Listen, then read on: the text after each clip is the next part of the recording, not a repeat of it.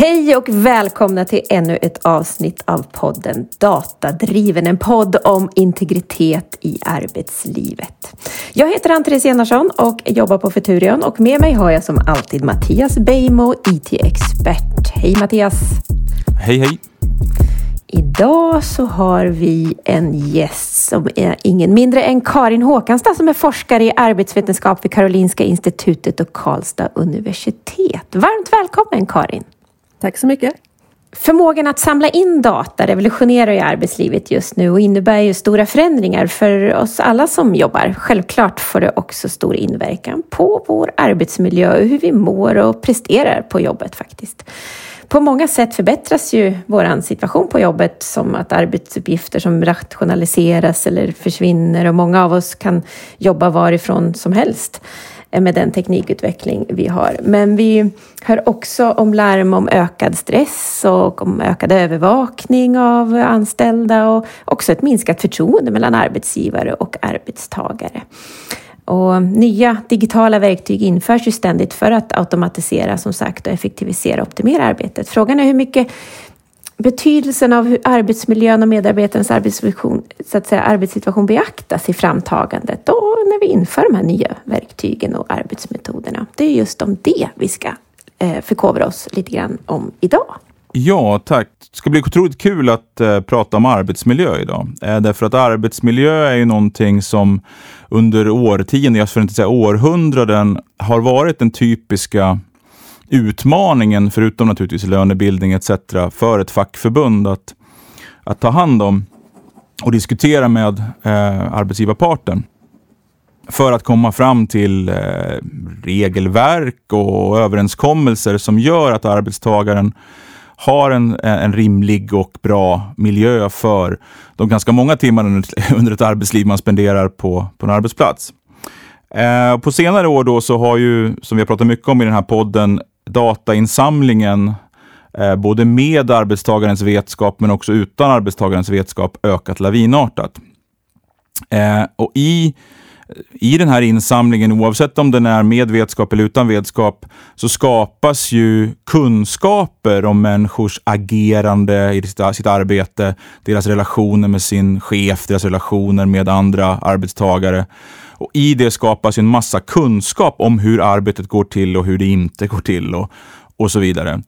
Um, den här datan används ju naturligtvis för att förbättra eh, ett projektteams möjligheter att nå eh, tidplanens mål och så vidare. Men det används ju också, tyvärr, för att arbetsgivaren ska kunna mjölka ut, ska jag väl säga, så mycket som möjligt av enskilda arbetstagare på en arbetsdag. Och i vissa fall Eh, så får det naturligtvis konsekvenser för den psykosociala hälsan. Och Det tycker jag ska bli intressant att prata om idag.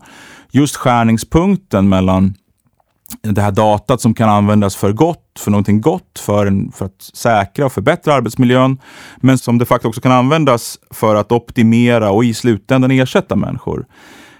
För datat som vi använder eh, när vi använder någon form av eh, digital enhet på vår arbetsplats används idag inte bara för att eh, titta på hur snabbt man gör ett, ett moment eller om man har gjort det man skulle, utan används också för att träna artificiella intelligenser att ta över våra arbeten. Datat samlas alltså in för att man inte ska förbättra arbetsmiljön eller öka produktiviteten, utan, utan helt enkelt eliminera bort det mänskliga elementet i vissa processer. Det här måste ju rimligen, tror jag, och det här ska bli intressant att diskutera eh, ur ett forskningsperspektiv, det här måste ju skapa en helt ny nivå av stress, en ny form av stress som till viss del liknar automationen och robotiseringen av industrin. Men på andra sätt är någonting helt nytt. Mm. Ja, det finns många perspektiv på den här frågan och idag ska vi djupdyka ner med Karin.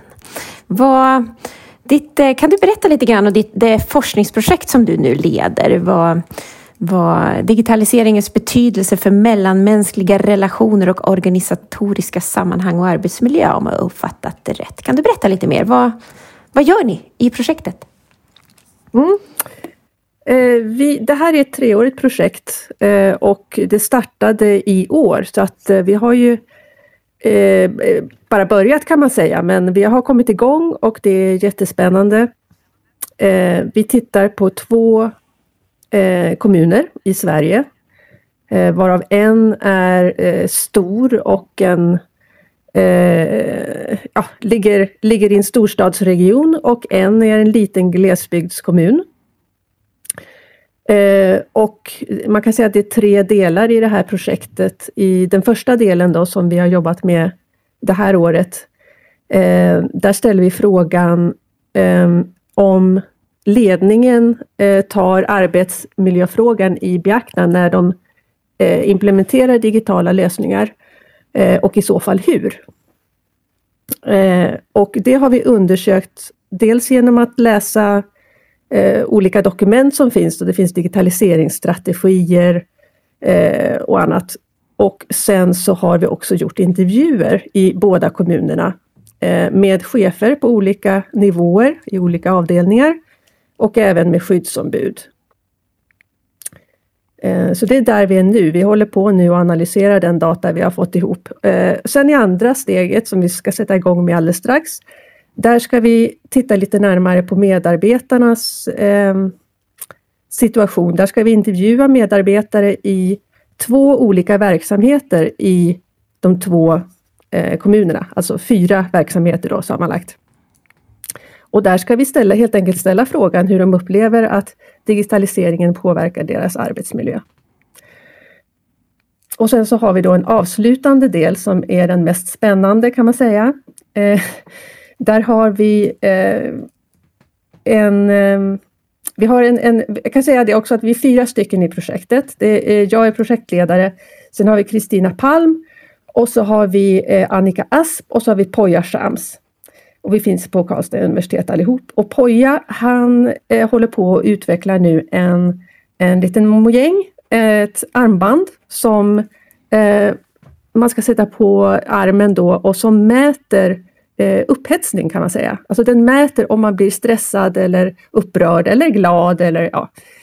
Eh, och då är meningen att vi ska låta några medarbetare ha på sig de här armbanden. Eh, och så ska de få, varje gång då som, som den uppfattar att personen är stressad eller upprörd, så ger den en signal och då ska personen liksom stanna upp och eh, på något vis dokumentera vad det är som händer eh, kanske ta ett, en bild, eh, prata in någonting i en mobiltelefon. Ja, eh, mm. så, så, så ser det ut, de tre delarna. Och varför gör ni det här då? Varför är det här viktigt? Eh, jo, för att eh, som Mattias var inne på lite grann tror jag att det, det, är ju liksom digitalisering pratar man ju om överallt. Det är så, det, det är så liksom ehm, eh, viktigt för utvecklingen i alla organisationer. Eh, och just den här arbetsmiljöaspekten, alltså hur det faktiskt påverkar medarbetarna som ska använda den här digitala tekniken. Det talas det inte så mycket om. Alltså det handlar, i retoriken i alla fall, så handlar det väldigt mycket om kunderna, alltså tjänsten som ska levereras. Eh, förhållandevis väldigt lite om hur det påverkar medarbetarna som ska äh, faktiskt leverera de här tjänsterna. Och vad hoppas man få svar på då? Vad vill man liksom, och hur, hur ska liksom resultaten användas, tänker du? Alltså dels så vill vi undersöka hur, eh, i mer i detalj, både hur ledningen och medarbetarna förhåller sig till digitalisering och arbetsmiljö. Och sen då förhoppningsvis eh, kunna lyfta fram eh, bra exempel och kanske inte så bra exempel på hur, man, eh, liksom, hur de här två områdena samverkar. Du säger att det är mycket fokus på produkten och utvecklingen av tjänsten och digitalisering av affärsmodellerna men perspektivet medarbetarna och dess arbetsmiljö har inte varit så utforskat, stämmer det?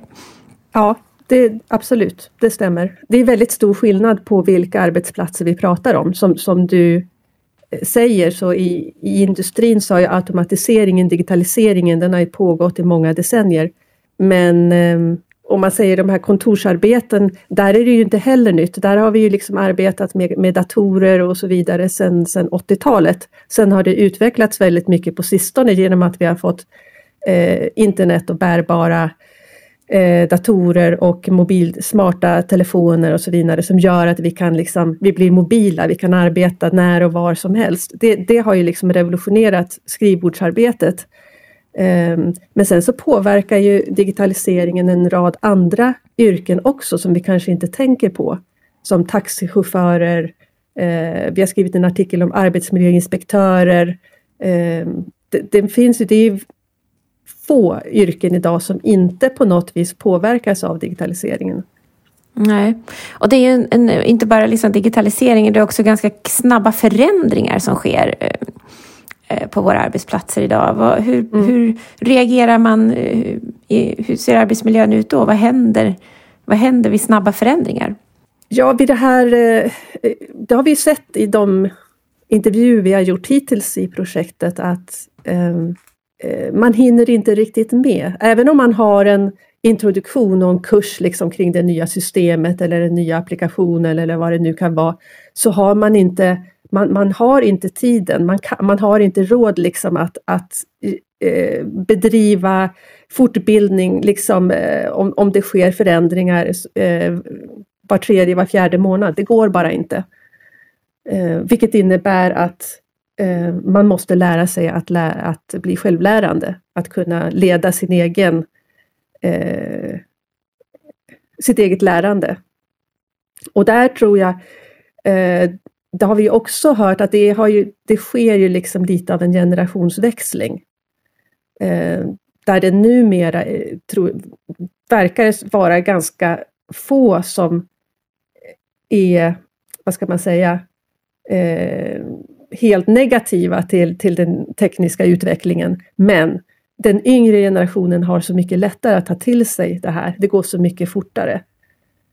Eh, att det, det, blir lite en, en uppdelning också av, av eh, eh, om man säger i de kommunala verksamheterna, där på de ställen där man har gått över till eh, Eh, eh, AI eller digitalisering så verkar det som om det sker en naturlig eh, selektion där. Alltså att de, eh, de som är intresserade av det här, den tekniska utvecklingen och att jobba med, med sådana här frågor, de dras till sådana arbetsplatser. De hör talas om att åh, här är, är man liksom i framkant, vad spännande.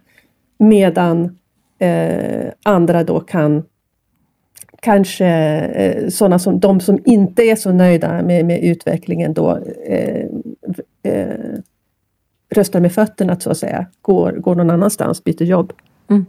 Du nämnde tidigare också att det var vissa arbetsplatser, typer av arbeten som digitaliseringen påverkade mera ur ett arbetsmiljöperspektiv. Eh, kan du liksom definiera vilka arbetsplatser det är? Kan man säga någonting, ett mönster att ja, men när digitaliseringen kommer, den datadrivenheten på arbetsplatsen kommer till vissa arbetsplatser så förändrar den arbetsmiljön eh, på ett negativt sätt mer.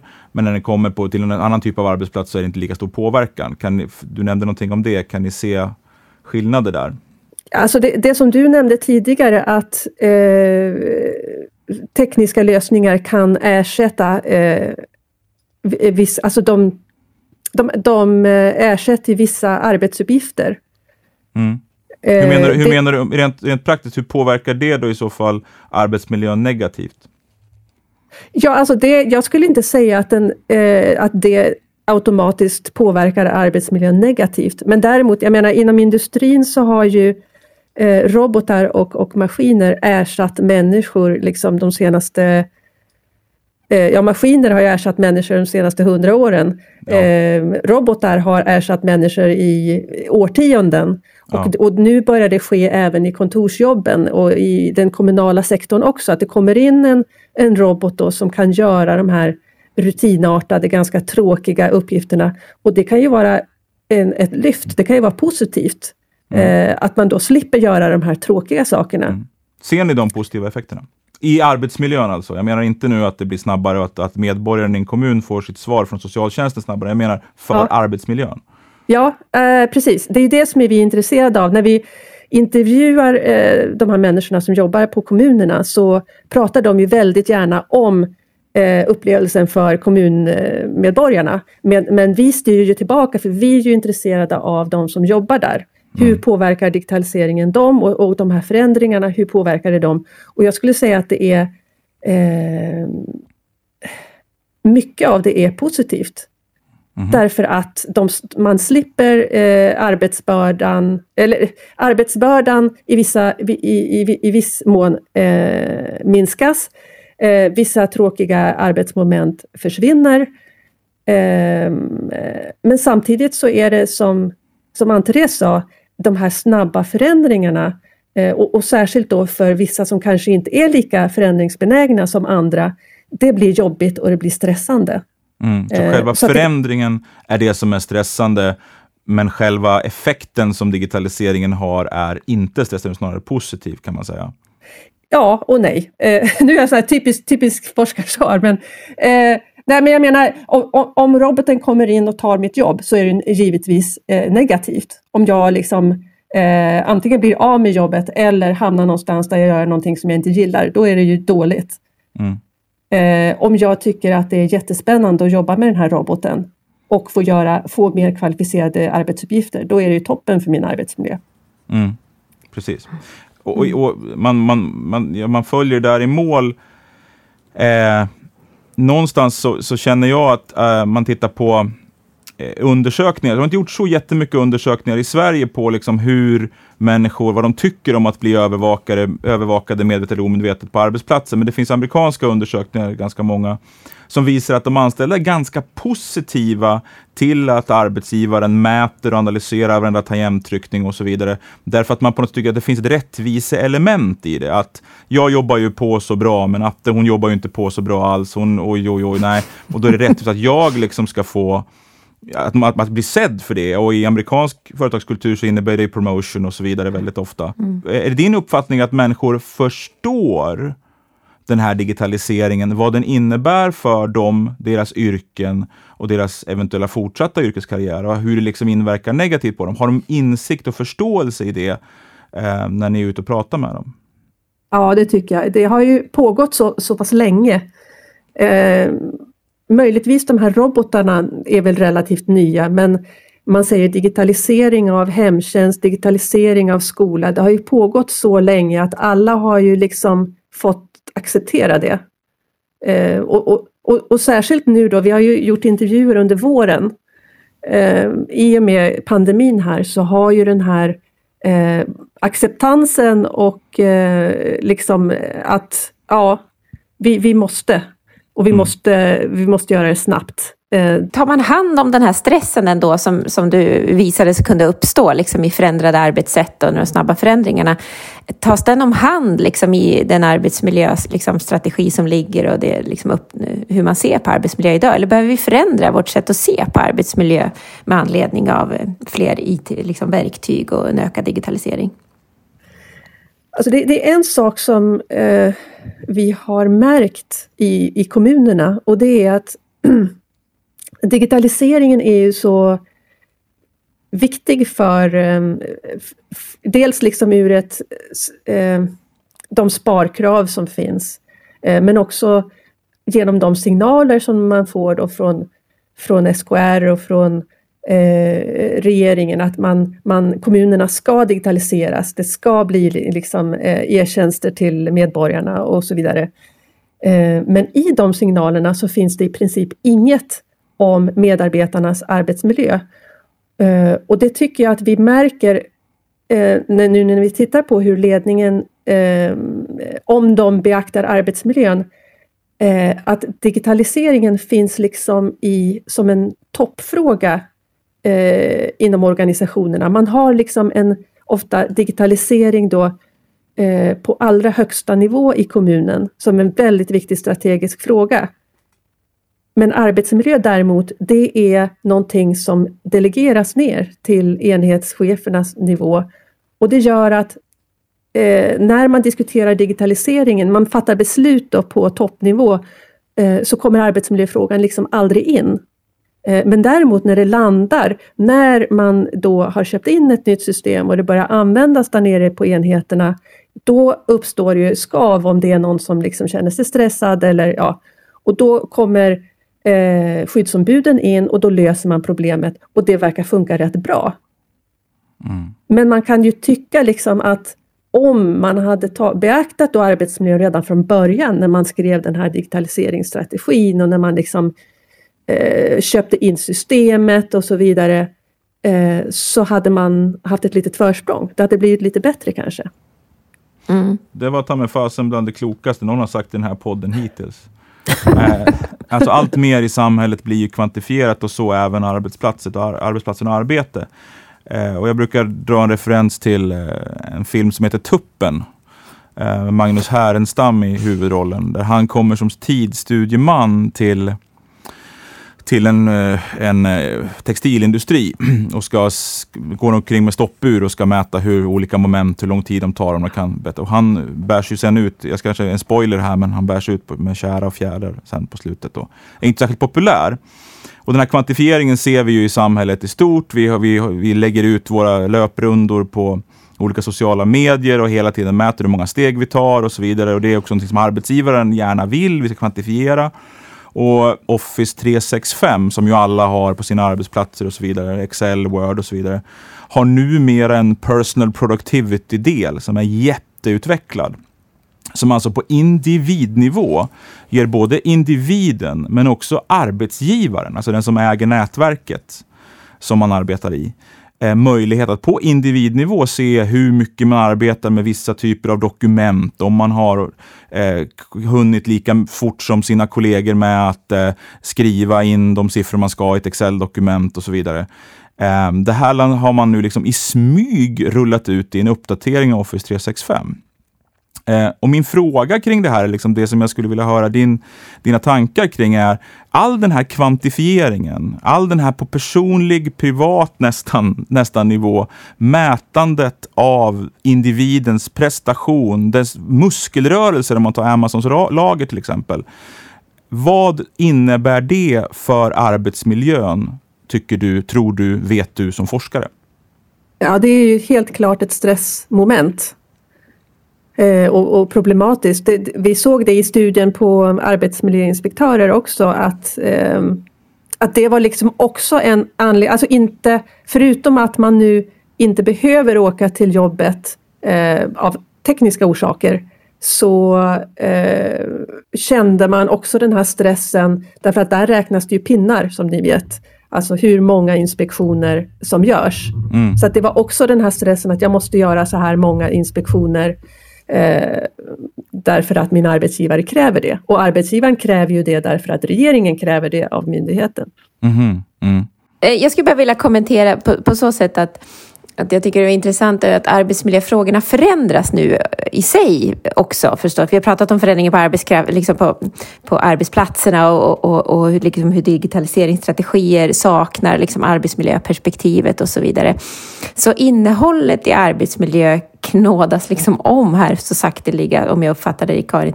Vad, vad ser du blir viktigare framöver? Vad, vad drar du för slutsatser i det här förändringsarbetet som sker av arbetsmiljöfrågor? Vad blir viktigt liksom framåt? Vart är vi på väg i arbetsmiljöarbetet, ser du? Jag måste säga att eh, i det här projektet och de som vi har pratat med, eh, både i den lilla kommunen och i den stora kommunen så finns det en väldigt stor kunskap kring digitalisering och en entusiasm. Alltså man tycker det är kul att det utvecklas. Det blir liksom bättre. Det, det har funnits problem liksom men eh, det ser ändå ljust ut. Det, eh, det, problemet tycker jag är just det här glappet som jag nämnde tidigare då att arbetsmiljöfrågan och digitaliseringsfrågan inte verkar synkas på, på den högre ledningsnivån. Så att den finns inte med. Eh, det var ett skyddsombud som sa att hen var med i alla processer utom i digitaliseringsprocessen. Eh, och det vet vi ju liksom att det är bra att medarbetarens perspektiv finns med redan i, när man fattar besluten och när man gör upphandlingarna av ny teknik. Eh, så att, ska, så att man inte behöver liksom rätta till de problemen som uppstår sen när man ska använda tekniken. Mm. Så vi behöver helt enkelt en synvända. Vi behöver helt enkelt se på digitaliseringen på, med, med, utifrån fler fler perspektiv helt enkelt. Vi har, vi, beror det på okunskap eller är det, vad, vad tror du det beror på? ja, men dels signalerna som kommer liksom från, från regeringen att det ska digitaliseras och medarbetarnas arbetsmiljö nämns inte därför att det är, liksom, det är en annan fråga. Och där tycker jag att man borde tänka om. Alltså att, att båda lägren, om man säger det här digitaliseringslägret och arbetsmiljölägret, att de båda behöver närma sig varandra. Eh, mm. Så att liksom HR-avdelningen eh, och digitaliseringsavdelningen, de behöver liksom snacka ihop sig i en organisation. Eh, mm. Och Arbetsmiljöverket vet jag är liksom på gång för att bli bättre på det här med digitalisering. Men jag tycker att även liksom de myndigheter och de departement som håller på med digitalisering borde också faktiskt inse att arbetsmiljöfrågan är viktig och den borde tas med jämt och ständigt. Därför att det är alltid någon som kommer att arbeta med den här digitala tekniken. Mm. Vad skulle vi behöva, vad, vad, skulle vi behöva om du så utifrån ett forskarperspektiv, vilka områden ser du lite som, som äh, där vi behöver forska mer helt enkelt? Det, det som sker nu under pandemin och det som kommer liksom efter pandemin. Eh, det tycker jag är väldigt intressant. Just det här att vi, vi började redan tidigare förvandla kontoren liksom från öppna landskap till eller från cellkontor till öppna landskap och aktivitetsbaserat och tekniken gjorde att vi helt plötsligt blev flexibla då i, i tid och rum. Vi kunde jobba var och när som helst. Och det där har ju liksom gått till sin spets nu eftersom alla har, eh, nästan alla har suttit och jobbat hemma. Eh, och, och, frågan är vad kommer att hända nu då när vi går tillbaka? För att vi vet ju att de eh, man sitter isolerad eh, hemma och jobbar är inte bra för, för hälsan.